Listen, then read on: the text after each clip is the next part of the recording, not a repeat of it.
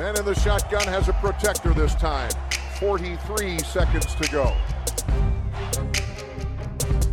He scrambles around, throws it back corner of the end zone. Santonio with a touchdown! I don't know how he did it! What a throw! What a catch! What a game! No, Mike 43, call 57. That suffocate him! Make him miserable all game long! Get us the ball back! Could love him or hate him, but he was Brad. Hej, du lyssnar på veckans NFL med Mattias, Lasse och Rickard. Precis som vanligt lite senare i veckan än vi brukar spela in det en torsdagkväll. Här. Fick mycket frågor på sociala medier. Vad har hänt? Vad är podden? Vad håller ni på med? Alla avgå. Eh, eller avgå alla som man brukar säga kanske. Men eh, nu är vi äntligen här i alla fall, Lasse.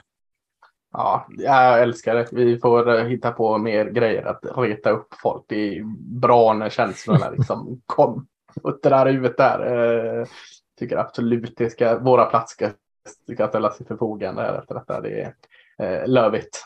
Eh, mm. Men vi är här nu. Eh, försöker släta över detta och klara oss en vecka till. Kanske leva lite på lånad tid. Kan man ljuga och säga att orsak till varför vi försenade är för att vi väntade in fler av de här högkvalitativa frågorna som vi ska prata om? Ja, eh, ja men det tycker jag låter jättebra. Vi bara lägger liksom allt på lyssnarna. Det var det är deras fel. Mm. Ja. Mm. Mm, ja, men det kan vi säga tycker jag. Det ser vi hur länge vi kommer undan med det. Vi är som sagt, det är ändå, det är ändå bara en tidsfråga innan vi blir avsatta. Så. Precis. Mm.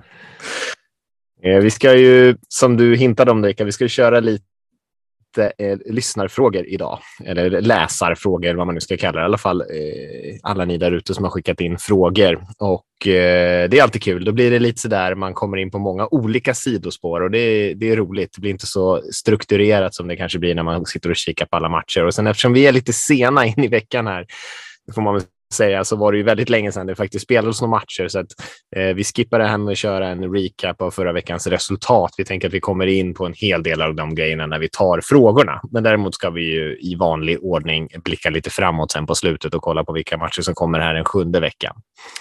Eh, men eh, med det sagt kanske vi bara ska hoppa rätt in och ta, börja ta lite frågor helt enkelt. Mm, tycker jag. Kul, vi jag kan gillar ju- frågeavsnitten. Det är- får man, eh, får man tänka lite och inte bara prata strunt. Kom inte undan med struntpratet på samma sätt. Exakt. Och vi fick ju två snabba frågor som båda rörde Packers direkt på Twitter, så jag tänker vi kan ta dem. Eh, jag vet inte om det hade något med att göra att vi skickade ut det här eh, och just den här veckan när Packers hade spelat ganska, ganska dåligt. De har väl inte imponerat de senaste veckorna, men eh, vi kan slå ihop dem nästan här, tycker jag. Och Den ena frågan löd, vilken är den främsta orsaken till att Packers är helt under isen? Och den andra frågan med med tanke på hur dåligt Packers spelar, borde inte Aaron Jones användas mer? Eh, och så kanske vi inte ska göra det riktigt så enkelt som att den andra frågan bara är svaret på den första frågan så går vi vidare. Men Nej. Kom inte från samma person heller. Alltså det är två. Packers-fans i affekt som bara liksom, vad, fan är detta för skit? Eh, Ja. eh, Ja, eh, men de är ju under isen. Eh, Aaron Rodgers är ju under isen också. Eh, ser ju fullt medioker ut. Jag vet inte, han har väl alltid något, något år var det en tå, nu eller en tumme som är jobbigt för honom. Men det kan ju inte bara vara det, tänker jag. Eh, jag, jag eh, såg ju den här matchen senast och, och eh, har väl inte liksom finkammat det, men det är ganska tydligt att o-linen är bland de sämre Aaron Rodgers har haft framför sig. Mm. Eh, oerhört slarvigt special teams. Eh, eh, en, en del av spelet jag inte kollar så mycket på så, och, och inte liksom ofta noterar. Så när man noterar att special teams inte fungerar så är det ju oftast då är det ju dåligt.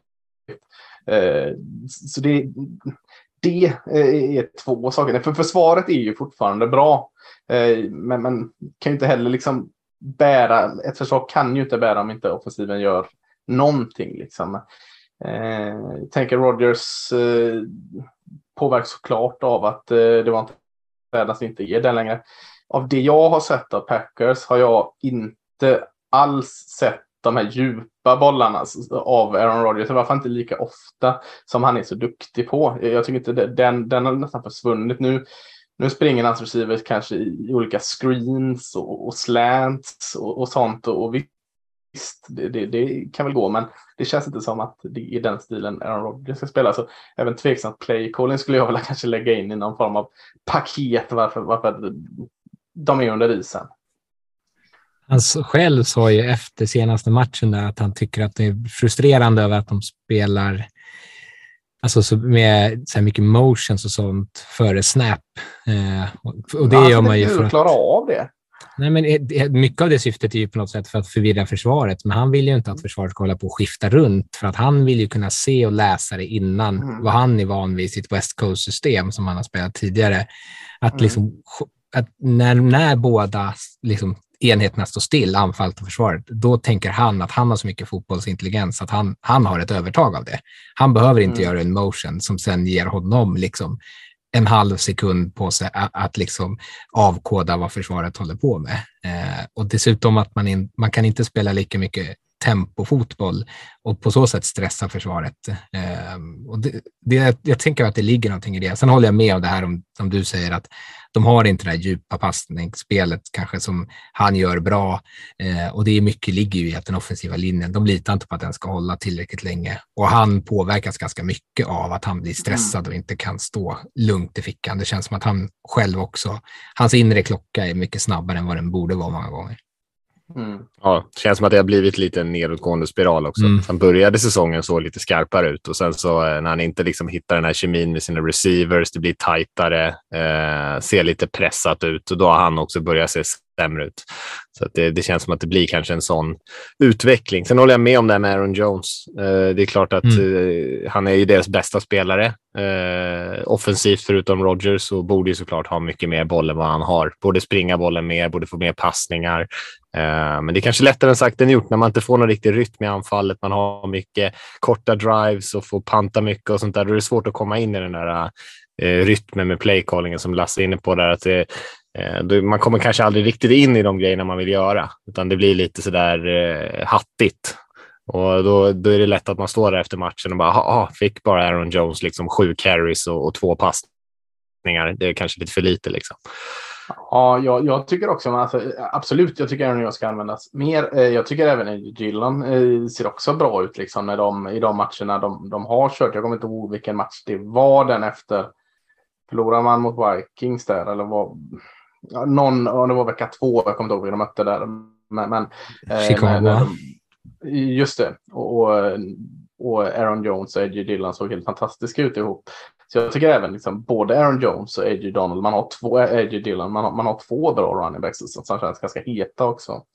Eh, enkla svaret att, liksom, att det inte går att använda dem mer just nu är väl för att motståndarförsvaren ser ju att eh, Packers har problem med passspelet och, och inte kan, eh, kan bomba ut den här långa bollen. Så de, de smyger ju upp med sina safety. De stackar boxen.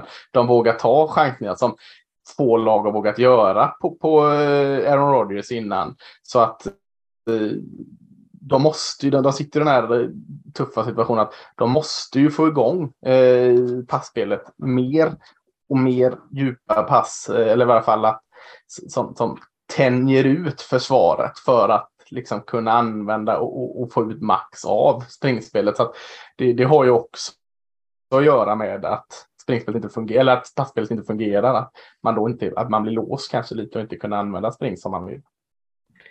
Jag tänker också att man borde springa mer oavsett fastän det går dåligt. Jag tänker mig om skillnaden i hur matchen, hur det blev mot Jets, liksom att Jets envist fortsatte springa fastän anfallet inte funkade så sjukt bra. Till slut så liksom lossnade några stora spel och man kan spela av det. Att man och det är kanske svårt med Rogers och hans ego också och vad han har för inflytande i anfallet. Men att få honom att ta liksom ett steg tillbaka och inte vara mm. liksom huvudnumret i anfallet tror jag är viktigt. För det känns som att identiteten av laget är, eller borde vara, att spela bra defensiv fotboll och kontrollera klockan och tempot med springspelet och låta Aaron Rodgers kanske vara lite mer liksom, assistent bakom det. Mm. Ja, och de kommer alltid hamna i lägen där han måste kliva in och avgöra och då får han glänsa ändå. Liksom. Man mm. måste ju våga kanske spela det där lite. Eh... Seahawks-fotboll. Ja, men exakt. Den längre större delen av matchen ändå. Och sen så är han ju tillräckligt bra för att avgöra om det blir tajt i slutet. Men eh, mm, de lyckas inte få till det riktigt. Så att vi är väl i alla fall överens om att det är anfallet som är det största problemet just nu för dem. Mm. Eh, att försvaret, det är klart att försvaret skulle kunna spela ännu bättre, men eh, man väntar sig ändå att ett Rogers lätt anfall ska bära minst sin del av, av bördan i, den där, Mm. i det där laget. Mm. Jag har fått en ganska direkt fråga här också. Var hamnar OBJ, alltså Odell Beckham Jr? Eh, om han eh, kommer hitta något lag den här säsongen att spela för. Är han inte klar för Chiefs redan? Är han det? Då har jag missat det i så fall. Nej.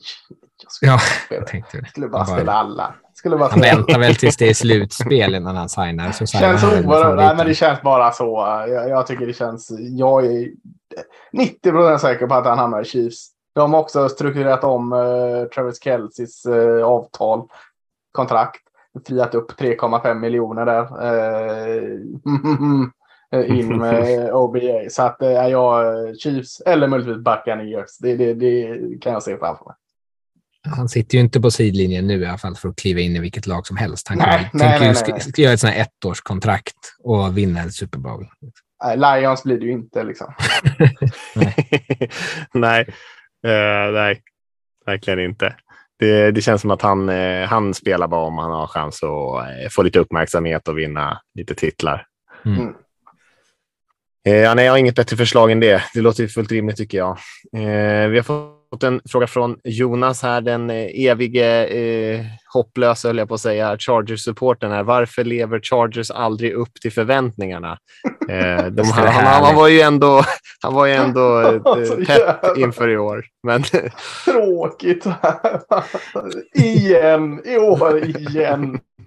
Alla trodde ju på att vi hade ju kanonspelare på varje position och så nu är vi här igen. Varför, är de är ändå Rickard? 4-2, så det var lite, det är lite, lite jo. drama. Men... Varför är det så här Rickard? Varför har man två förluster? ja, ja, det är kanske hårt. Men det är väl att det såg lite taskigt ut här mot, mot Broncos, det förstår jag. Nej, eh, alltså, de är fortfarande ett bra lag. Sen har de kanske inte spelat så här superdominant som man hade väntat sig. Anfallet, eh, jag, jag tycker fortfarande att de ett problem med anfallet är att de inte låter Herbert spela lite mer stora spel. Eh, och de har ett ganska konservativt anfall. Eh, sen flyttar de bollen hyfsat bra och det känns att de, har sak- att de saknar Keenan Allen och lite offensiva linjespelare. Eh, påverkar ju förstås. Eh, och, sen fram- och i försvaret som var bra i början av säsongen och har spelat betydligt sämre mot, eh, mot Brown senast och mot, mot Texan såg det egentligen inte särskilt bra ut heller eh, stundtals. Eh, och det är mycket för att Bosa är borta. Eh, och Mac är duktig, men han, eh, det var ju stor skillnad när det var Mac och Bosa på plan samtidigt. Då var det ju liksom eh, lekstuga. Eh, men när Joey Bosa nu har varit borta så, så märks det ganska tydligt att de saknar liksom ett, andra, ett andra punch. Jag tror vi sa det i början av säsongen att de har ett väldigt stjärnspäckat lag, men också ganska liksom, toppstyrt och det är lite mer känsligt eh, på djupet och det är väl det som de har utmanats i nu. Sen har de alltid problem med skador i och för sig, men eh, eh Jonas, du, ni ska du bara inte vara orolig. Ni är fortfarande ett väldigt bra lag.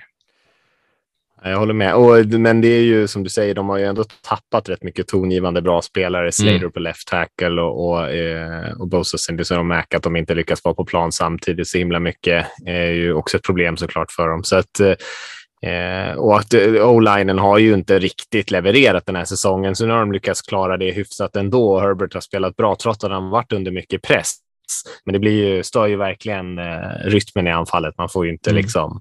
Det är svårt att, att spela så eh, och liksom vara consistently bra när, när rushen kommer igenom hela tiden.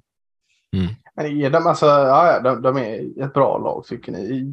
Kan, kan väl till viss del hålla med där. Men är de så bra? Jag tycker de har kommit undan lite med 4-2. Eh, sett 4-2 Chargers mot 1-4 Raiders. Känns som att Raiders typ ser bättre ut trots att man är bara har en vinst.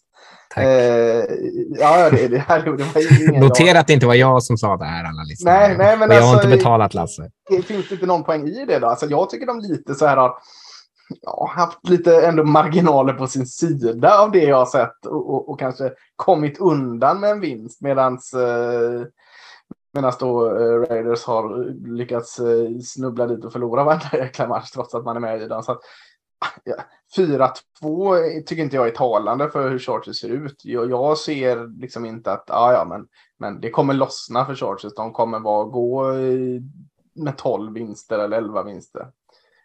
Jag tycker det finns lite eh, befog att vara lite orolig för Chargers. Mm. Nej, jag håller med dig om att de har kommit undan lite grann och att deras record är nog bättre än vad de har spelat. Men däremot så tror jag att de har en högre nivå. Men, mm. eh, men jag, jag, jag, tycker inte heller att de är särskilt mycket bättre än Raiders. Men Raiders är ju just när det gäller så här record jämfört med hur bra de är så är ju Raiders det laget där det är den största liksom, eh, diskrepansen däremellan på något sätt i NFL. Att liksom, det är ett så pass bra lag borde ju inte ha vunnit så få matcher som Raiders har gjort egentligen den här säsongen. Eh, men Kanske det är ju kommer ändå... över till nästa fråga här då i, uh, i detta eller? Hade just det. Om, uh, om AFC West va? Ja, att det var så upphaussat inför säsongen om de liksom höga förväntningarna infriats. Så det, ja. det kan vi ju lika gärna gå över på innan, vi, snart, in innan ja. vi har pratat om alla lag redan. ja. Eh, känns som eh, Rickards eh, huvudvärk att reda ut detta. Men är det så? Då? Alltså, Chiefs ser jag, nu förlorar de mot den här eh, maskinen Bills senast i en skitbra match. Liksom. Men jag tycker Chiefs bär ju fortfarande divisionen. Men det är klart, Absolut. Broncos eh, ser ju mm, skräpiga ut offensivt. Alltså riktigt dåliga ut offensivt. Och eh, Las Vegas ser kanske inte så dåliga ut, men de får inte med sig ett skit. Så ja, det, eh, ja, det är väl en besvikelse, Rickard, är det inte det? Inte bara för ditt eh, Red. Men det, det, det, skulle jag säga att det är. Eh, alltså Chargers, om man, lite som att ni är inne på, de har ju ändå lyckats vinna matcher fastän det kanske inte har sett skitbra ut. Eh, och med Raiders är de bättre än 1-4 eh, förstås. Eller förstås förstås, men de, det skulle jag påstå. Eh, mm. all, alltså Raiders, Chiefs och Chargers är alla topp 10 eh, offensiv i ligan ändå. Så de, det finns ju ändå mycket så här potential i anfallen och det är kanske för många av de här lagen, försvaren har varit lite sjaskiga. Eh, men det har inte sett ut så här som man trodde att det skulle vara liksom riktiga så här, toppmatcher när de här väl har mötts. Det var ganska slarvigt i Chargers Raiders-matchen till exempel. Det var en del slarv tyckte jag också i Chargers Chiefs-matchen. Eh, och Broncos ser ut som en, en tågkrasch än så länge. Eh, men det är väl så här, ja, jag kan också tänka mig med Raid, både med Raiders och Broncos som har nya tränarstab, ny tränarstab. Det är liksom lite knöligt. Eh, varken Carr eller Wilson spelade på försäsongen. Om det liksom ligger någonting i att de här sega starterna ändå kanske kan vända. Eh, men än så länge så absolut så har det varit en besvikelse.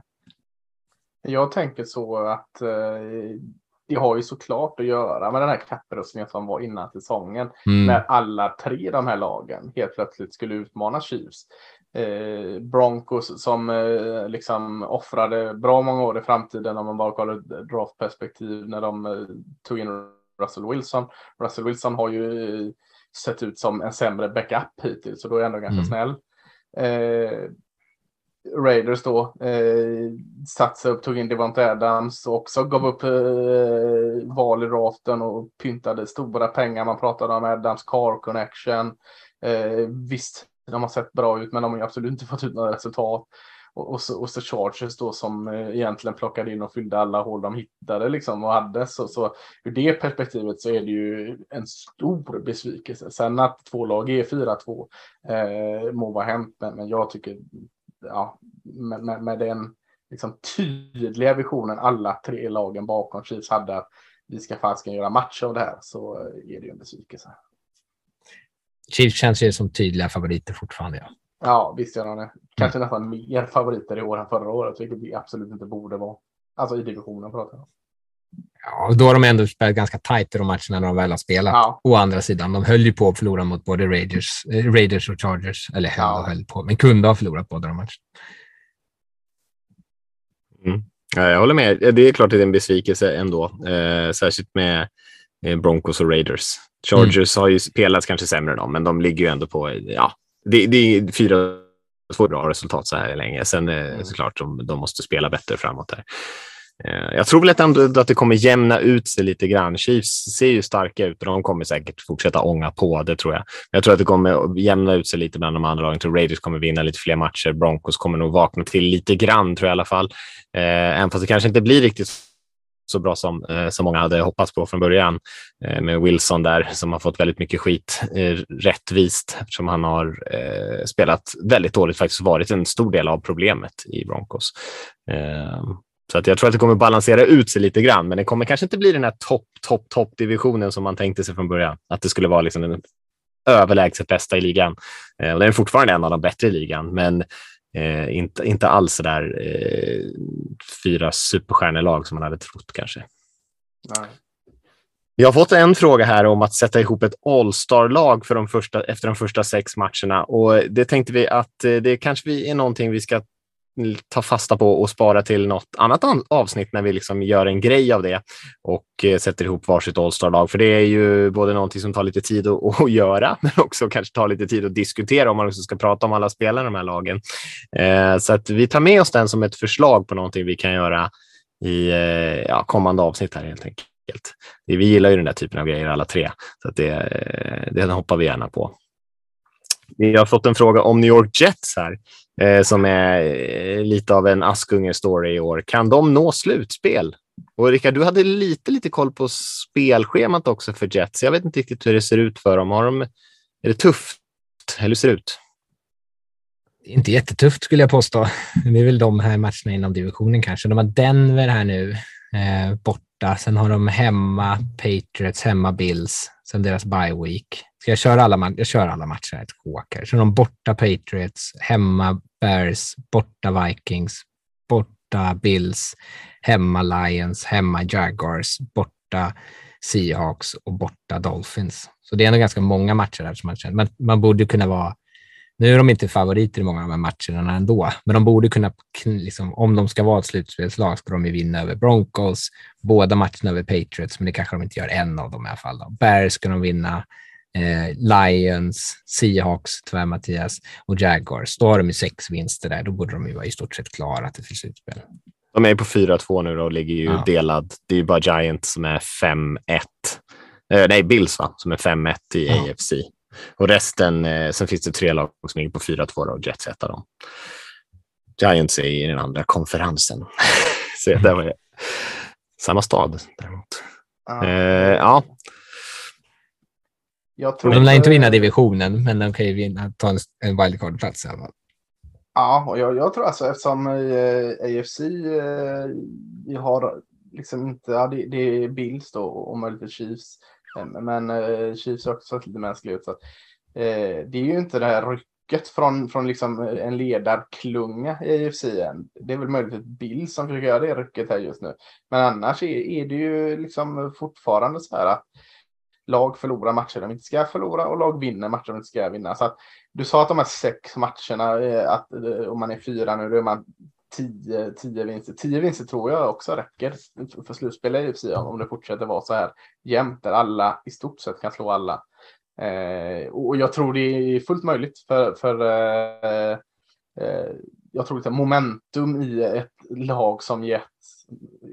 det är Robert Sala eh, bra på liksom att eh, snappa upp och bygga vidare på. Jag tror han, han är den typen av medgångscoach som liksom så kan få spelarna att må ganska bra kring vad de gör och, och, och gå ut och, och känna det. Eh, det är ju inte alls såklart, men, men sen har de ju spelare som faktiskt har liksom kommit in och bidragit väldigt mycket direkt. Eh, receiving Garrett Wilson, running backen Breeze Hall, eh, Sauce Gardner framför allt. Cornerbacken har sett fenomenalt bra ut. Alltså tre rookies som har kommit in här och man hade en del gottigt redan på plats. Offensiva linjen tar steg, så handlar det inte lite om vad vi har, vad Zach Wilson tar för kliv, quarterbacken här? Eh, kommer det kanske stå och falla med honom, vad han kan ta för kliv här under säsongen? Det hänger mycket på det. Eh, mm. jag, jag, tror att det blir tufft för dem att ta slutspel. Jag, jag skulle inte utesluta det, men eh, jag tror att några av de här lagen som har startat lite svagt får, får upp lite tempo här, att de kanske hinner i fatt Jets här under säsongen. Men de har ju satt sig i en väldigt bra position, så jag hör vad ni säger, det är absolut inte uteslutet och de har många unga spelare som spelar bra. Så det är ju en väldigt positiv säsong för Jets, vilket som. Men skulle jag tippa så skulle jag tippa att de inte går vidare till slut. Ja, då tippar jag att de går vidare. Jag är också det. Bu, vilken hater det är, Mattias. Mm, mm, mm. Mm. Men det måste man ju vara. Kan inte bara sitta här och ryggdunka alla som ni två Är gör. det bara för att de inte har kvar Gino Smith som du tippar mot dem? Ja, precis. De har ändå fostrat Gino Smith. Det ska Ja. de ändå ha cred för. NFLs bästa quarterback. Eh, Ja. eh, ska vi gå vidare till nästa fråga? Mm, mm. Vi har fått en fråga. Vilka är mest en pretender istället för en contender? Och så har han skickat med här Måns fyra förslag. Då. Giants, Seahawks, Vikings och Titans. Så kanske, jag vet inte riktigt vad han menar med en contender här, men jag vet inte hur många som ser? Ja. Alltså, till Super Bowl-titeln då. Tänker jag. Ja. Ja, för jag tänker att det är inte så många som ser Seahawks som en seriös Super Bowl-utmanare. Eh, tror jag. till slutspel då för att göra den lite mer eh, relevant kanske. Skulle jag plocka bort eh, Ja, det är inte helt lätt att plocka bort något där. Eh, Seattle eller något. Känns som att eh, någonstans det kommer verkligen komma ikapp dem. Eh, Ja, och det- Giants. Seahawks, det är ett, det är ett eh, alla där är, är eller Cardinals är 2-4, men annars både 49ers och Rams är också 3-3 samma som Seahawks. Så det, där kan det bli tajt att ta divisionen tror jag för dem. Mm. Mm. Och samma lite för Giants här. Alltså, Eagles tuffar ju på. Eh, Cowboys har klarat sig bra utan däck och nu däck tillbaka. Eh, jag tänker att Vikings eh, med, med Packers kräftgång eh, känns som den tydliga contenden här då i varje fall om man ska plocka ut en sån. Och, och vad var, var det Titans med där i spelet också? Då, då lägger jag med Mm. dem att de också är, om vi tar en contender från varje konferens så är det Titans och Vikings för mig. Alltså jag skulle säga jag tror att Giants ändå lyckas ta sig till slutspel. Jag har ju, varit så, jag har bara väntat på att det ska falla. Eh, Mm. Men jag, jag blir imponerad av att de vecka efter vecka nu har gjort de här typen av matcher där de liksom hå- håller i och lyckas vända det. Eh, det gav Ravens till viss del bort matchen här senast, men det är ändå liksom, säger ändå någonting om ett lag som är i position för att den typen av saker ska kunna ske. Eh, och NFC är ju inte särskilt stark. Det skulle inte förvåna mig om, om, man, om det räcker med nio vinster för att ta, knipa sista wildcard-platsen. Eh, och det ska de ju fan kunna skrapa ihop, tänker jag. Mm. Ja, Jag håller med. Jag tror att det finns ett tak för Giants kanske när de väl kommer in i slutspel och så där ska börja möta de här eh, top quarterbacksen och så där. Men att ta sig till slutspel, det, det, det håller jag med om att NFC, det är ju eh, väldigt eh, dåligt med, med bra lag där. Särskilt på kanske wildcard-platsen om man tänker att South kanske inte kommer vara någon som är med och utmanar. West verkar de ju slå ut varandra lite grann där och ingen riktigt imponerar. Eh, och samma sak i den norra divisionen egentligen, där Packers har sett så mycket under isen ut och där är ju Vikings som tågar på där och de har ju också satt sig i en superbra position. Eh, så just slutspelsplatser tror jag på det. Men eh, som en riktig contender ehm, så är det väl kanske bara Vikings som jag tror på som skulle kunna gå och vinna lite slutspelsmatcher. Annars eh, tror jag de andra som vi pratar om är de, eh, ja, det är kanske slut, ta sig till slutspel, men, men mycket mer än så tror jag inte man kan hoppas på. nej. Vad hade vi mer för frågor där då? Eh, bästa rookies från de sena rundorna har vi fått en fråga om också. Hittills på den här säsongen. Och, eh, Och klassas som sena rundorna. Ja, efter tredje i alla fall va? Begränsa det nu, Lasse. Begränsa Dag, dag tre, dag tre spelare. Måste Fjärde vi till ta med runda tre får man. Fjärde till sjunde då. Ja, det är väl. Ja, jag säger det innan Mattias säger det. Eh, Kobe Bryant och Tarek Woolen. Eh, runda fyra och runda fem corners. Som bara återskapar Legend of Boom på sex, sju matcher där. Måste väl ses som två jättefynd som har eh, spelat kanonbra. Nu har ju du eh, sett mer av dem än jag, men det jag har sett av båda dem tycker jag liksom de eh, kommit in i det fenomenalt fint. Verkligen, jag håller med. De har spelat bra båda två. Eh, Woolen fått lite mer uppmärksamhet eftersom han har fyra picks där och kanske varit lite, lite mer upp och ner i övrigt. Men, eh, men Kobe Bryant tycker jag har sett väldigt lovande ut för, alltså, för att vara en ung spelare. Alltså, båda gör ju misstag. Det är precis som tack, de två tackles där som också har som också gör lite misstag. Men på stora hela så är det klart det är superimponerande att de bara kliver in och spelar så pass bra som de gör. Mm. Rickard, ja, du ska få chansen att säga den här personen och säger inte den här personen så säger han, men jag vet att du gillar honom, gillade honom i draften och han gick i runda fyra, en running back. Uh, gud, vilken... eh, var det Pierres? Nej, nej. Eh, Ja, Nej. du är nog inne på det. eh, åh, vad heter han nu då? Eh, Texans running backen. Jajamän, Damian Pierce. Damian Pierce, ja. Pierce. Ja, Han måste väl ses som en, en, en av de bättre rookiesen i senare rundorna. absolut, det tycker jag. Jag spelar Ja. jättebra. Eh, Bailey Zappi var ju sugen på att säga. Quarterbacken är New England Patriots har ändå kommit in och inte visat några jävla nerver här inte. Eh, sen att, att det bara är ett par matcher. Men, men eh, ändå kul med den här QB-draften där liksom det valdes typ en och så sen bara föll allting. Så, så eh, känner ändå Bailey Zappi där i runda fyra. Har gjort bästa av situationen. Ja, jag såg, när jag såg Buccaneers spela här så hade Cade Otton, tight-enden där från Washington, Ja, en del. Washington. Eh, Mm. Så vet jag inte hur det sett ut under hela säsongen, men han var ganska, hade en hel del fina spel. Det kändes som att det är någon som, som ganska fort fick den här tight-end-kemin med, med Brady. Mm. Vi gillar ju han Bellinger i Giants också, men han har väl inte... Ja, jag eh, Ingen, ingen stats-kung kanske, men, eh, men, men ett par stora spel varje match. Där. Ja, nej, men jag tänkte också på han i runda fyra, där, Daniel Bellinger. Eh, Nu, nu Romeo trackat- Dubbs i Ja, jag Packers. säga, nu har vi tra- Mm. trackat ner på Packers offensiven, men det kan vi inte lasta Romeo Dubbs för eh, receiven där. Han tycker jag det känns som Aaron Rodgers go-to guy redan va? Ja. Eh, då. Jag tänker han, Malcolm Rodriguez i, Lions. Eh, ja, eh, ändå runda sex liksom eh, syns liksom när han spelar så att eh, bara därför kanske det är kul att nämna honom. Runda eh, tyckte jag, tyckte jag det var ah. svårt att hitta någon. Men, jag, Chiefs här, en running back, han Asaya Pacheco från, från Rutgers har ändå gått Ja. in och, och gjort en del fina spel. Så Fan vad de pratar om honom däremot. De pratar, han är ju så uppblåst. Är det han som är så snabb eller? Ja, alltså, så liten och snabb och kvick och ändå tuff. Ja, men ändå Ja. runda sju. Liksom. Det, det, Ja, absolut. det var svårt att hitta någon annan där så långt det tycker jag som redan efter ett par matcher har eh, satt sin avtryck. Så jag tänker att han får representera sjunde rundan. ändå.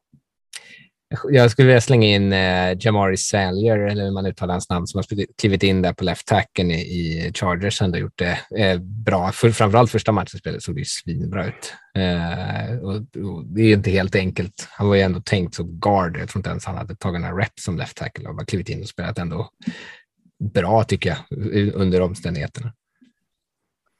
Ja, man hoppas ja. att det kommer dyka upp ännu fler. Alltså, det brukar ju gå lite, när längre säsongen går också, brukar det vara lite fler spelare som får chansen också. Mm. Eh, så här i början på säsongen så kanske man inte eh, gärna med flit startar sin sjunde runde eh, draftval de första fem matcherna. Så många av dem har ju inte fått chansen riktigt än att visa vad de går för, de som gick lite senare i draften. Nej. Vi fick ändå upp en hel del göttigt där. Men jag tycker Mm. eh, paret där, Bryant och Turk eh, Woolen i Sioux tycker jag ändå är eh, liksom de jag skulle lyfta om jag just bara in två direkt eh, rep, eh, liksom, reppa dem. Det, det, det tycker jag får vara mina. Mm. Jag håller med. Väldigt lovande klass för Seahawks. Även eh, Walker, där running backen, har ju kommit in och spelat lite grann nu. Lär ju få spela Ja. mer. Eh, och även gubben har ni väl där också? eh, båda, båda tackles är rookies Ja. också. Så att det är ju Ja, inte nästan bara hela Cross, utan han rookieklassen. den andra, vad heter han nu? Nu står det still i huvudet. eh, Han på andra sidan. Abraham Lucas. Ja, exakt. Ja, från Washington State. eh. Ja, den var bra. Så nästan hela rookieklassen startar ju i stort sett och många, de flesta spelar ju bra. Så att, eh, det är inte så dumt. Nej. Vad tror ni om Browns denna säsong och på längre sikt?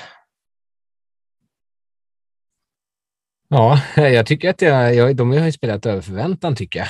Alltså de är ju ja, två, fyra låter väl kanske så här hårt över förväntan. Eh, men det var väl snarare som att man tänkte, eller jag, i alla fall, jag tänkte att anfallet skulle vara totalt katastrof. De är ju topp sju i poäng per match, topp sju i poäng per eh, liksom, offensiv serie. Eh, så de har ju liksom hittat en offensiv identitet. Det är snarare försvaret kanske som har liksom varit en besvikelse än så länge. Ja, det är det. Jag, jag, Lyckas Eh, aldrig få till det där försvaret känns det som. I Browns. nej. Eh, Jacoby Brissett var så här, först nös jag åt han, sen så här, "Ja, men fan han är bra ändå. Nu är jag tillbaka till lite fnytan här igen.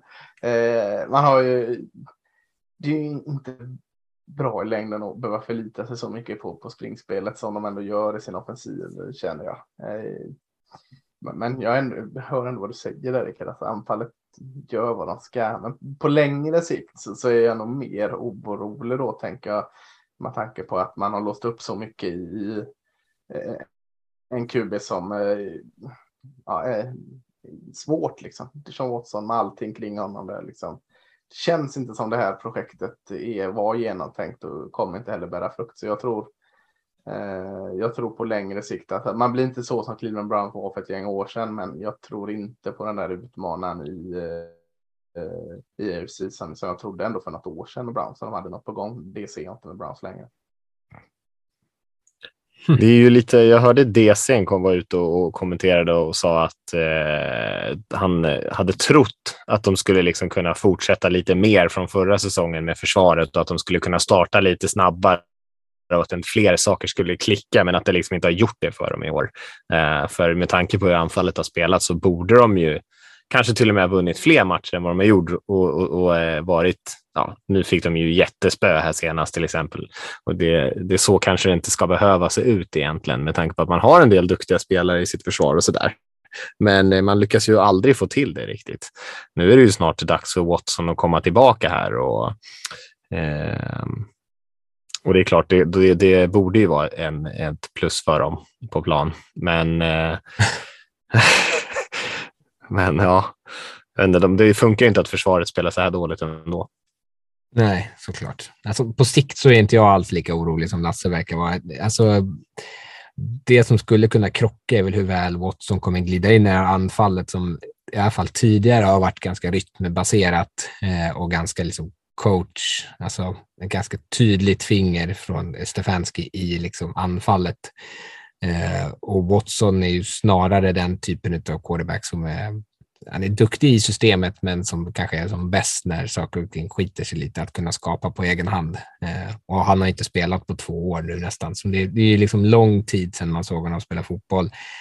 Eh, I år kommer han komma tillbaka, håller de sig runt 500 och han kommer komma tillbaka, är han liksom rostig nog, eller alltså, avrostad nog för att kunna spela bra eh, och hur ser det ut liksom på sikt? Eh, ja, jag tror ändå att de har, om han är en bra, är så bra QB som de, han borde vara, så tänker jag ändå att de kommer vara farliga att göra med. Tror du han är det då? Så jag tycker du tar upp det poängen med att han har varit borta två år här. Eh, han eh, har haft, alltså med all rätt, en jäkla anstormning emot sig kring allt som har skett. Eh, det, sätter sig på, det måste ju sätta sig på psyket, tänker jag. Eh, jag vet inte, jag, jag tycker det är som att slingla, slingla slant om, om vad, vad Watson är. Jag, jag, jag skulle inte bli överraskad om han inte är eh, att det blir en Russell Wilson situation här med, med Watson i eh, Browns.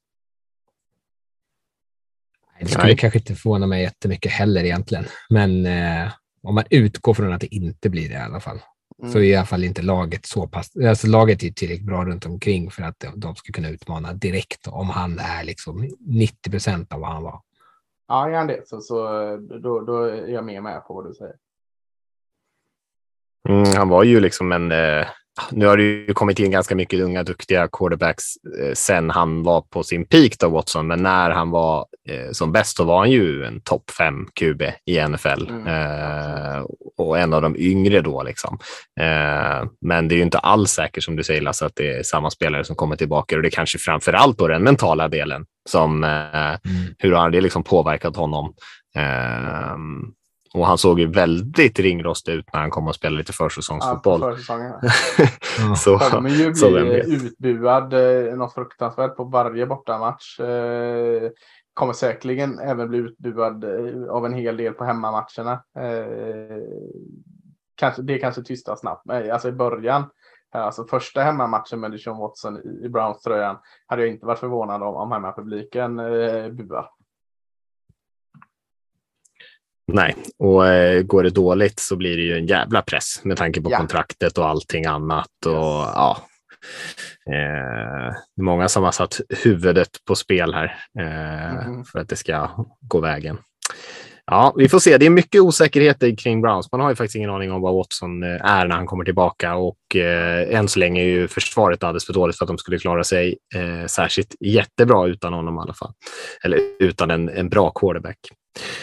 Eh, jag har fått en fråga om, Jalen Hurts som vi har pratat lite grann om i någon tidigare podd. Där. Hur bra är Jalen Hurts i förhållande till resten av ungdomarna? Gärna en ranking. Och så här kanske man ska, jag vet inte, vad, vad räknar... ungdomarna? Ja, exakt. Det är kanske den stora frågan här. Vilka är ungdomarna?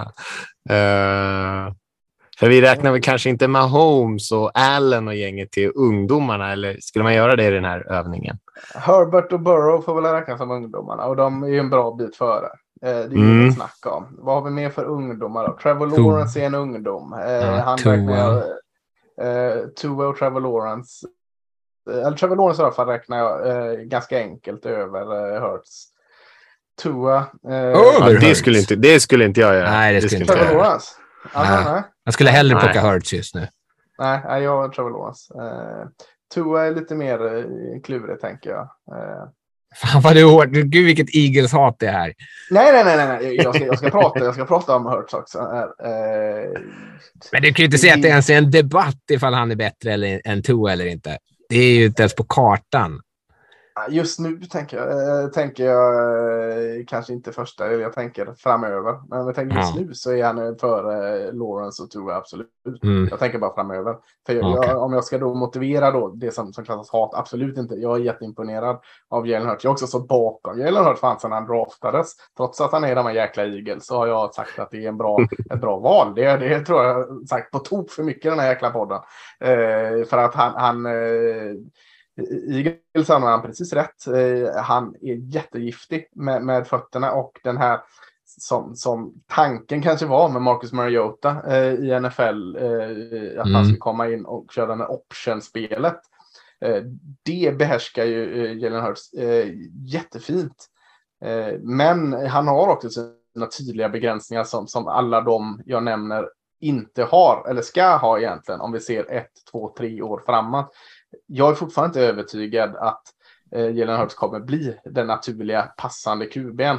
Eh, han har matcher där han passar jättebra. Om vi tar matchen senast då, när Eagles vann mot Cowboys, så hade jag förväntat mig mer av Eagles. Det här var inte Eagles bästa match i år. Eh, det var skönt för dem att få slå Cowboys och de vann rättvist, men det var inte Eagles bästa match.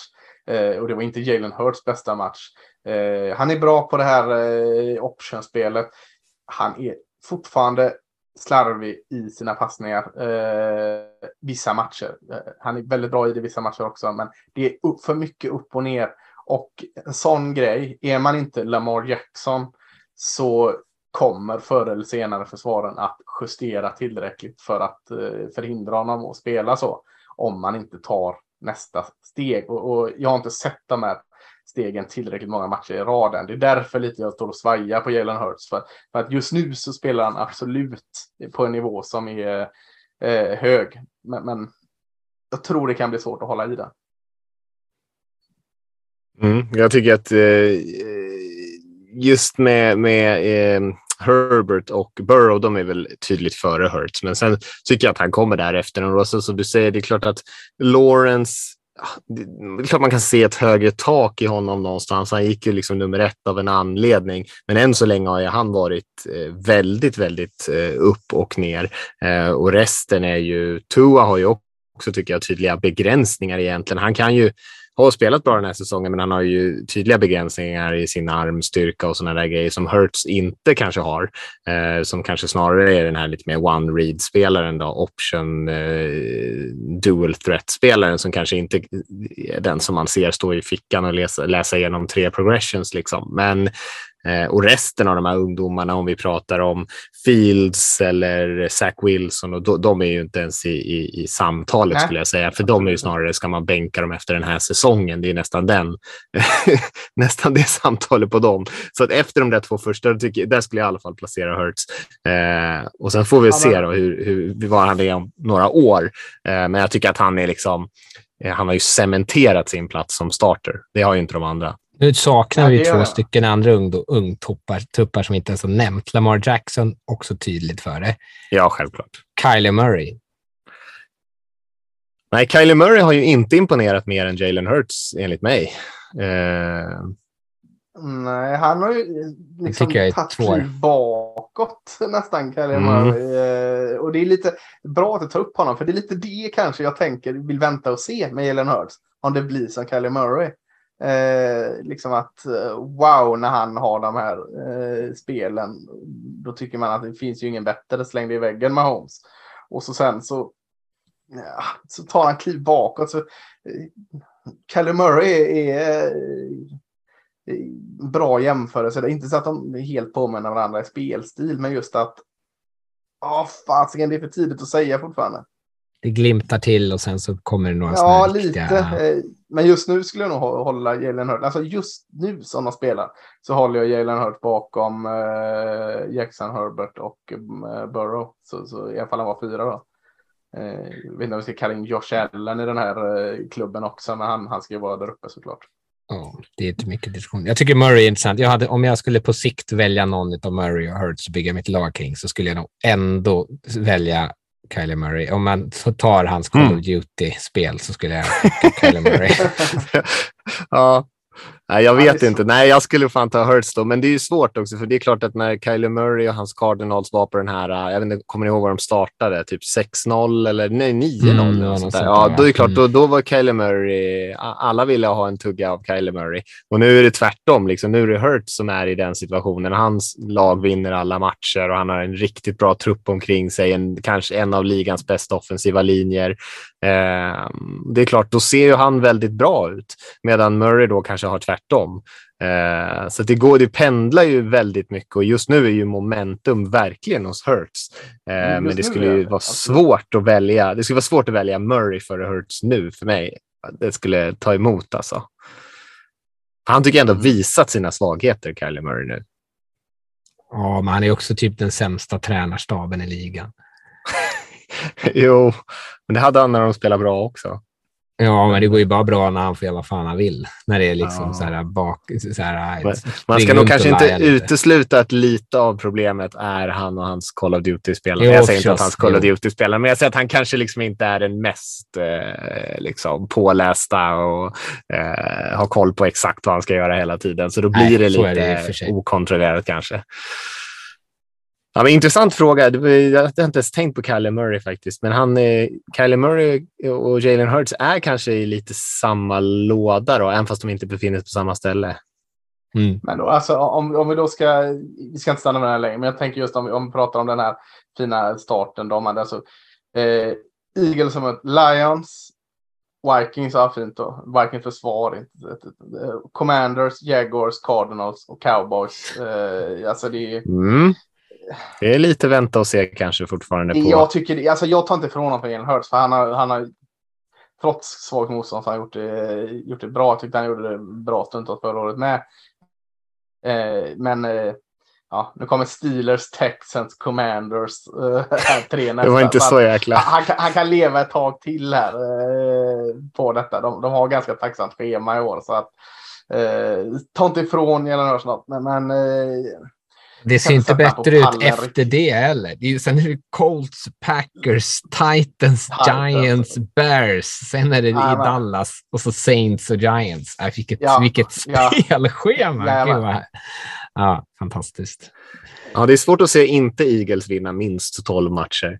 Alltså, Ja, ja, herregud, det vore ju Ja. katastrof.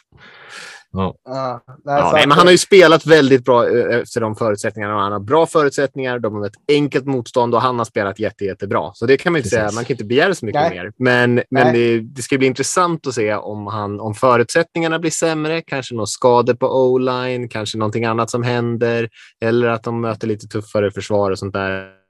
Kanske framåt slutspelet, för dit lär de ta sig eh, och se lite hur, eh, hur de hanterar de situationerna. Om han fortfarande kan eh, liksom konkurrera i passningsspelet. För vi vet att han, att han liksom har den här grejen med benen. Han har liksom båda delarna, men, men när han inte kanske har det, så det som ett lika tydligt alternativ och måste kanske passa sig till en seger, kan han göra det mot de bästa?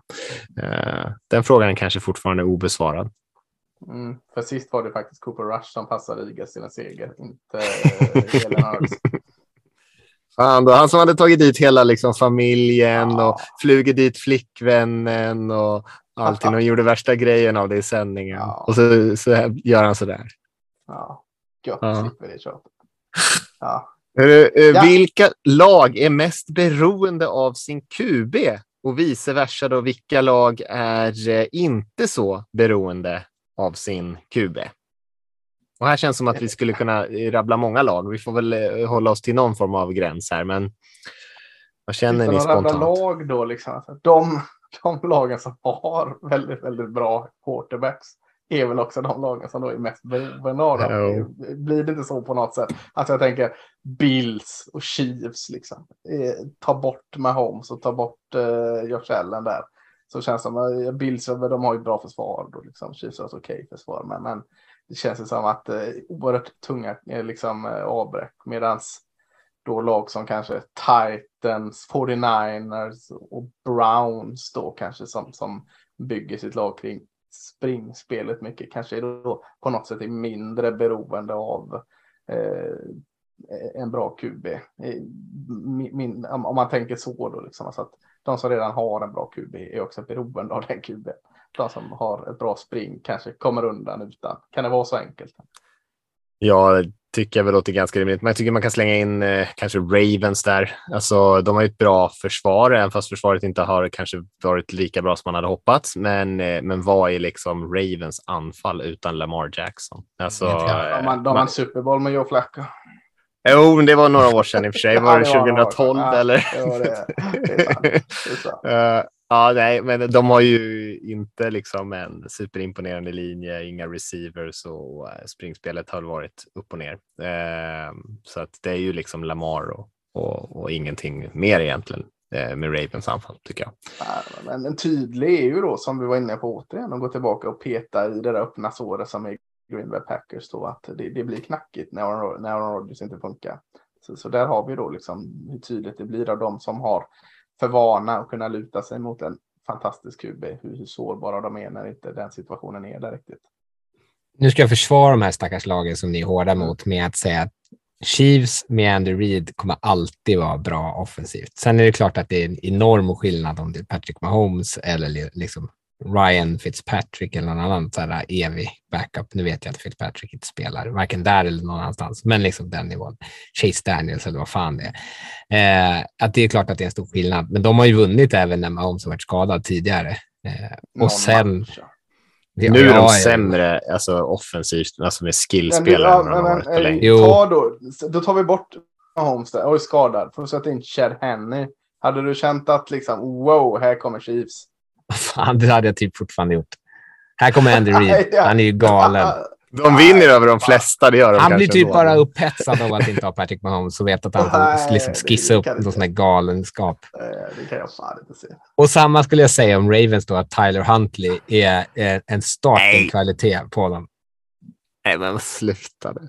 Jag kan, jag kan köpa att, att Skillnaden liksom, är Chiefs skulle vara okej utan Mahomes, men de skulle ju liksom inte vara i närheten av det bästa anfallet i NFL, för deras trupp är ju liksom Absolut ens inte. Men 15. det är, väl, Eh. det är väl inte så konstigt. Men de skulle fortfarande kunna vinna matcher. Ja, det kanske de skulle göra, men eh, mot de sämre lagen. Och Det är samma sak med Bills kanske. då. De har ju också en bra trupp liksom, generellt. Det är klart de skulle vinna mot de sämre lagen, men det är en, en, en långt upp till där de är nu. Alltså jag tror... Ja, okej. Du är hård. Hård mot stackars Andy Reid. jag, inte, jag älskar Vem Reid. är, vem är Men- backup i Bills? Är det typ Case Keenum eller något? Eller? Ja, kan se Sitter det. han Peterman kvar där? Nej, jag vet inte. Nej, det hade- inte. Och så skulle jag vilja slänga in Patriots som ett lag som inte är så QB-beroende på något vis, för att de ändå lyckas pusha bollen offensivt i alla fall nu när Zappi klev in. Lever det kvar sen Brady gick ner och var det Matt Castle som Ja, precis. jävla fint. Ja, Så alla ville ha. Matt Castle. Mm. Eh, Det var väl samma med han. Ja, Flynn skicka var det två första val. Men det var ju Han. Seahawks designade ju honom. ju. Ja, när han kom in och gjorde en bra match mot Packers och sen Seahawks så var inte Raiders där och petade på honom. Jajamensan. Ja, en bra match. Ja. Ja, ja, Han kom ja, aldrig till spel i Seahawks. Det var lite synd, Ja. men de gav honom ganska fett kontrakt tror jag. Det var synd. Ja, Eller det ja, synd. det var ju kanske bra. där. Det var ju Russell Wilson Ja, som precis. blev draftad. Men... synd för honom. Eh, ja, eh, den fastnade vi på lite grann där. Ja. Vad var det? det var ju den andra delen av frågan. Svarade du på den eller vilka som inte var beroende? Ja, det gjorde vi ju lite grann. Ja. Ja. Eh, vi får kanske nöja oss där. Alltså, det känns som att det är, det är ganska viktigt med en QB. Det kan man ju eh, Ja. säga. Men eh, det går ändå att vinna lite matcher utan sin starter. Det är ju många lag som har visat. Och, och särskilt de kanske bättre lagen. Eh, eh, här är kanske en fråga framför allt för dig då, Lasse. Hur ser nästa års draft class ut? Finns det några fantastiska QBs? Och det finns väl en hel del, va? Är det, är det draftklassen 2023 vi ska prata om? Är det bara QB han vill ha här? Eh, I draften? Eh, Ja. Ja, eh, det finns ju. Det, det är en, en jättedjup position i årets eh, draftklass QB. Det kanske är den, den djupaste liksom, eh, po- eh, positionen i hela draften där du hittar bra spelare långt ner. Vilket är ganska ovanligt. Annars brukar man ha ett par toppar eller så är det en dålig eh, klass som förra året. Men, men här är det toppar och djup. Jag tänker att det är tre tydliga toppnamn här eh, som eh, mycket väl skulle kunna gå topp fem alla de här tre. Det är eh, C.A. Stroud från Ohio State. Och då får man liksom lägga in det här som alltid. Eh, vi har betat av ett par Ohio State QBs eh, som vi alla varit sålda på och som än så länge inte har visat något. Så det, det får man ta i beaktning där att eh, Ohio State QBs NFL har inte varit lycka hittills. Vi har eh, Bryce Young, quarterback i Alabama, eh, som har, har gått in efter Tua, efter Jalen Hurt, efter Mac Jones och eh, sett skitbra ut. Eh, jättefin arm, bra spelförståelse, rörlig, mobil utan att vara en springande QB. Eh, och så har vi eh, den som skiljer sig lite från den kanske, quarterbacken Will eh, Levis, inte Lewis utan Le- Levis i i Kentucky. Eh, som Eh, Eh, kanske är så här att om vi säger att Bryce Young och C.S. Stroud är de bästa quarterbacksen i college just nu så är Will Levis eh, kanske den med mest potential i NFL. För att han, han spelar ett, ett eh, pro-style system i, i Kentucky. Han, han har de här eh, egenskaperna att eh, mycket ansvar på sig, styr det här anfallet, läser spelet bra, går igenom sin pro progression och, och eh, bra arm. Eh, och allt sådant. Så, så det är de tre som är de stora namnen. Sen är det, skulle jag säga, 9-10 quarterbacks till som nog kan draftas i övre hälften av draften här. Eh, eh, som ligger och lurar bakom vassen. Men, men de tre då, så att vi inte sitter och rabblar kubis och all oändligt. Vi ska ju ha eh, senare i vinter och tidig vår ska vi prata draft. Så, så de, eh, Stroud i Ohio State, Bryce Young i Alabama och eh, Will Levis i, i Kentucky. Där har ni tre eh, superlovande QBs. Får jag ställa en följdfråga på det då? Innan Ja. Mattias nu med sin högljudda space-knapp eh, hugger in. Eh, om man då jämför det med klassen 2021 med Trevor Lawrence, Zach Wilson, Trey Lance, Mac Jones och Justin Fields. Eh, är den liksom, om man jämför med den, hur står den i förhållande då? Ja, Trevor Lawrence var ju eh, över alla de här. Alltså vad man trodde då, menar Mm. tänker du eller? Ja, precis. Eh, ja, då, då var Trevor Lawrence över alla de här.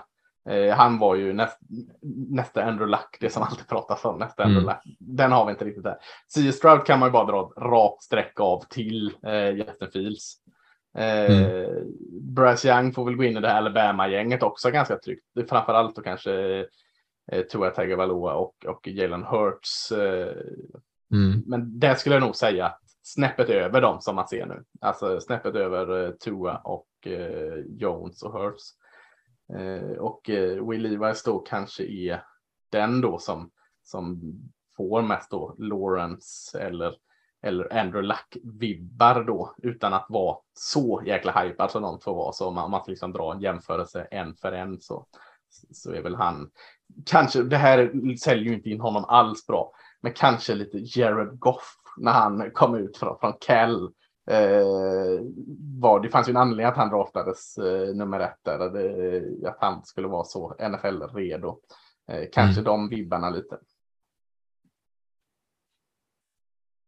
Mm. Mm. Ja, men spännande. Det är kul med lite. Eh, det är alltid lite roligare när det blir lite bra QBs i draftklassen. Sen är det ju kul med de andra positionerna också såklart, men eh, det hottar ju upp det lite grann där uppe i toppen om det finns några folk jagar. Sen är, betyder inte det alltid att det, att det blir fantastiska spelare och några av de som det inte snackas om kanske är de som blir allra bäst i slutändan. Absolut. Eller så seglar upp någon på slutet som antingen går högt eller blir bäst. Så man vet ju aldrig riktigt, men det, men det är i alla fall kul att det finns några att snacka om. Mm, ja, absolut. Mm. Och det, det kommer finnas eh, när vi går ner och pratar om eh, fynd sen, eh, QBs i kanske om man nu rundar två och tre så kommer det finnas jättemånga. När ni sätter er och gottar ner i draften så kommer ni eh, bli kära ett par till. Kul. Som alltid. Kul. Ja, som alltid. Exakt. Eh, vi fick en fråga här om eh, det här Shanahan-systemet som varit så eh, populärt i många lag eh, vad ska man, hur ska man förklara det? Någon eh, form av eh, zone running, eh, West Coast-inspirerat system eh, som eh, eh McVeigh och, och Kyle Shanahan och många andra använder. Och frågan om ligan har knäckt det för att vår eh, frågeställare här tyckte att det kändes som att många av de coacherna som har kommit från det trädet har haft det lite svettigt i år. Ja, eller har de knäckt sig själva? Eh, jag tänker mig... Det är typ... väldigt många nu. Det är typ halva ligan, så jag vet inte om man ens kan hålla koll på dem. Men det känns som att några har gått bra för. Jag tänker McDaniel i Dolphins till exempel. Ja, uh, ja men annars, annars i Vikings också. Ja. Och Kevin O'Connell har ju gått bra. Ja, fast det är inte anfall som har varit så där speciellt bra. De är rätt medelmåttiga rent statistiskt. Ja, kanske det. Jag tycker det är en ganska intressant fråga. Jag hade inte tänkt på den riktigt innan jag, jag liksom läste den. Så att eh, kan vara något på spåret där, tänker jag. Man tänker på, man tänker på vilka lag som, det liksom är, som är riktigt dåliga. Eh, som tänker, Rams, Bears, Packers och Denver, eh, liksom anfallsmässigt i alla fall. Eh, så är det ju också liksom lag där det är liksom inte katastrof kanske, det är hårt, men, eller jo, det skulle jag säga. Och Bengals slänga in det också. Katastrof på den offensiva linjen. Och Denver är är det ju kanske inte bara den offensiva linjens fel utan också Russell Wilsons fel. Men linjen har inte varit svinbra direkt. Eh, och att man kanske har lagt för mycket man tror att man kan komma undan med så mycket i det systemet om man har pumpat in tunga resurser i på typ quarterback-positionen eller andra positioner som har gjort att det liksom har urlakats. Att ja, man kan fuska lite nästan. Ja, men kanske man tror att man kan ha gjort det och sen nu så märker man att det liksom inte riktigt funkar. Alltså även 49ers nu senast mot Falcons fick ju den offensiva linjen inte någonting gjort i stort sett. Eh, så det är ju ett lag som är ganska, alltså ett system som kräver en bra offensiv linje och inget av de här lagen har ju det. Nej, och kräver ju ett springspel som funkar. Ja. Alltså, det är ju ändå mm. ett balanserat system i, i slutändan. Mm. Så är klart man kan ta mycket av de här grejerna som McVeigh har gjort i Rams till exempel, som är kanske lite mer kreativa pass, eh, passinnovationer. Ja, innovationer kanske inte allt kommer från honom då, men, eh, men så som han har satt ihop sitt system med, mm. med sina motions och hur de springer sina routes och sådana grejer. Att det, det, att det är rent även fast man inte får igång springspelet så kanske det ändå funkar helt okej. Okay, men det är ju när de, även i Rams då, har haft ett, liksom ett, ett dominant eller i alla fall ett väldigt effektivt springspel, det är ju då det verkligen har klickat. Uh, så att uh, om man fuskar lite med linjen, fuskar lite med springspelet eller kanske som Broncos då, jag vet inte hur mycket Shanahan influerat det här hacket-systemet är, men eh, kanske lägger pengarna på de positionerna istället och snålar lite någon annanstans, då kanske det är någonting som, som går sönder där i, i hela systemet. Mm. Ja, och, och sen så kan jag tänka mig också att det, en del av det handlar ju om att man eh, om lag kan ändå lyckas pass rusha med bara fyra så kan man ganska tålmodigt stoppa liksom springspelet effektivt eftersom att de här offensiva linjerna inte lyckas eh, liksom hålla i passblockeringen. Eh, skulle de här lagen vara tillräckligt bra offensivt i linjen så skulle man behöva blitza dem oftare och då skulle det öppnas luckor i eh, passoffensiven och även luckor i springanfallet som man skulle kunna utnyttja. Eh, nu känns det som att de inte kan diktera an, liksom matchbilden lika mycket eftersom att de är så svaga. Mm. Ja, det låter väldigt logiskt tycker jag. Eh, vi har egentligen inga fler frågor eh, som vi tyckte som inte var liksom lika varandra eller som eh, vi tänkte ta med den här gången i alla fall. Säkert missat en och annan här och där. Eh, så jag tänker nästan att vi går vidare och tittar lite grann på vi får tacka för alla frågor. Det är ja, som sagt grymma frågor och det blir ju kul när man hoppar lite från grej till grej. Så här. Det blir väldigt eh, mer dynamiskt då, på något sätt. Eh, så tack alla ni som Återkomma med det All-star-laget och så får vi försöka få in ett så här frågeavsnitt till. Jag tycker det är väldigt, väldigt roligt att gå runt olika saker och tänka kring saker som man kanske inte vanligtvis gör. Så att eh, jättekul att ni bidrar.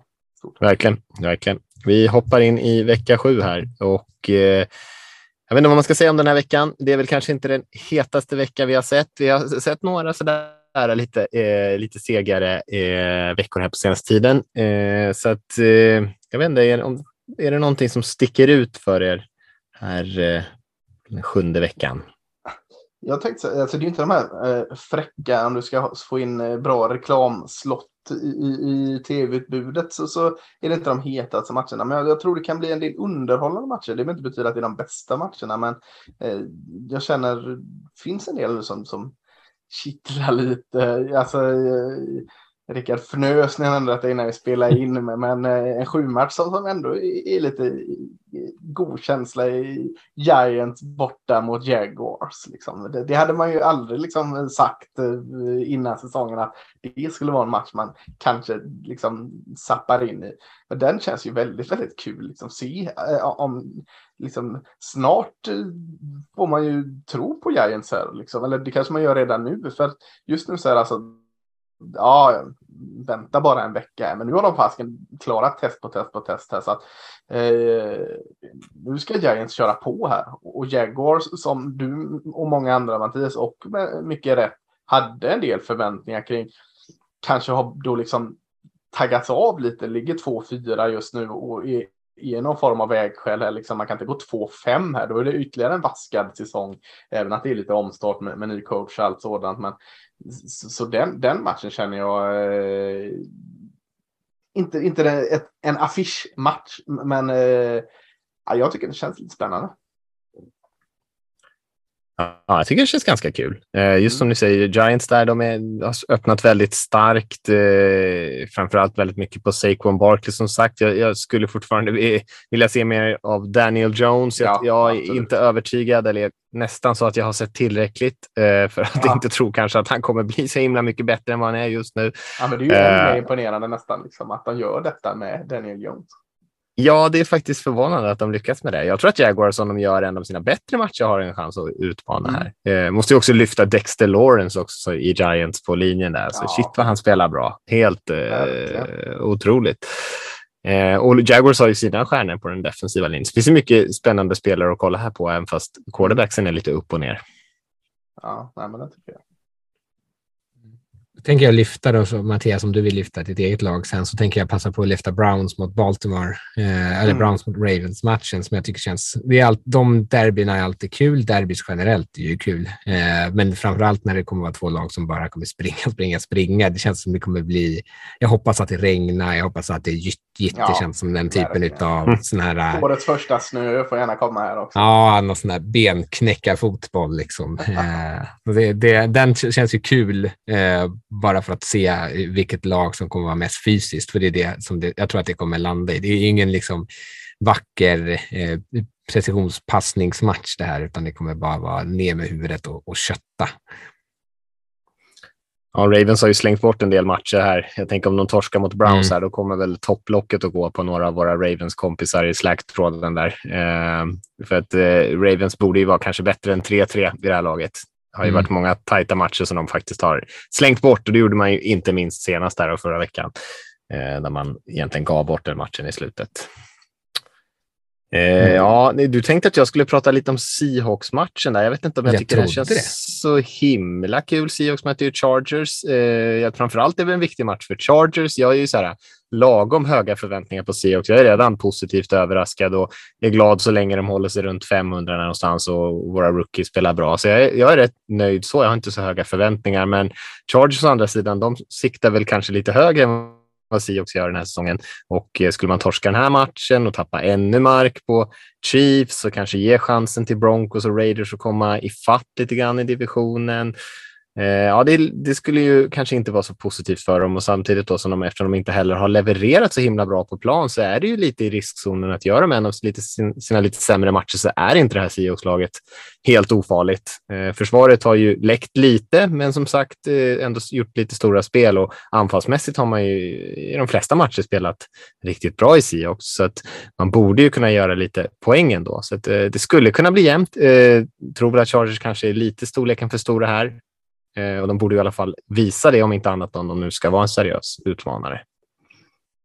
Jag tyckte det var ja. spännande. Du får lyfta vilken match du vill sen då, om jag, om jag satte dig i en tuff situation här. Men eh, Seahawks okay. är ändå pil uppåt och Chargers kanske då lite pil neråt om man tänker på hur det, liksom momentum är just nu. Eh, och om man jämför liksom Seahawks förmåga att liksom stänga matcher, som, att hålla sig liksom jämn hela tiden och, och ha liksom en coachingstab som eh, förstår hur man ska vinna i slutskedet av matcher och så vänder man det till Chargers då som har svårt att rycka ifrån i den här typen av matcher eh, och kanske har en coachingstab som inte alltid tar de rätta besluten för att liksom kunna vinna matchen i slutskedet.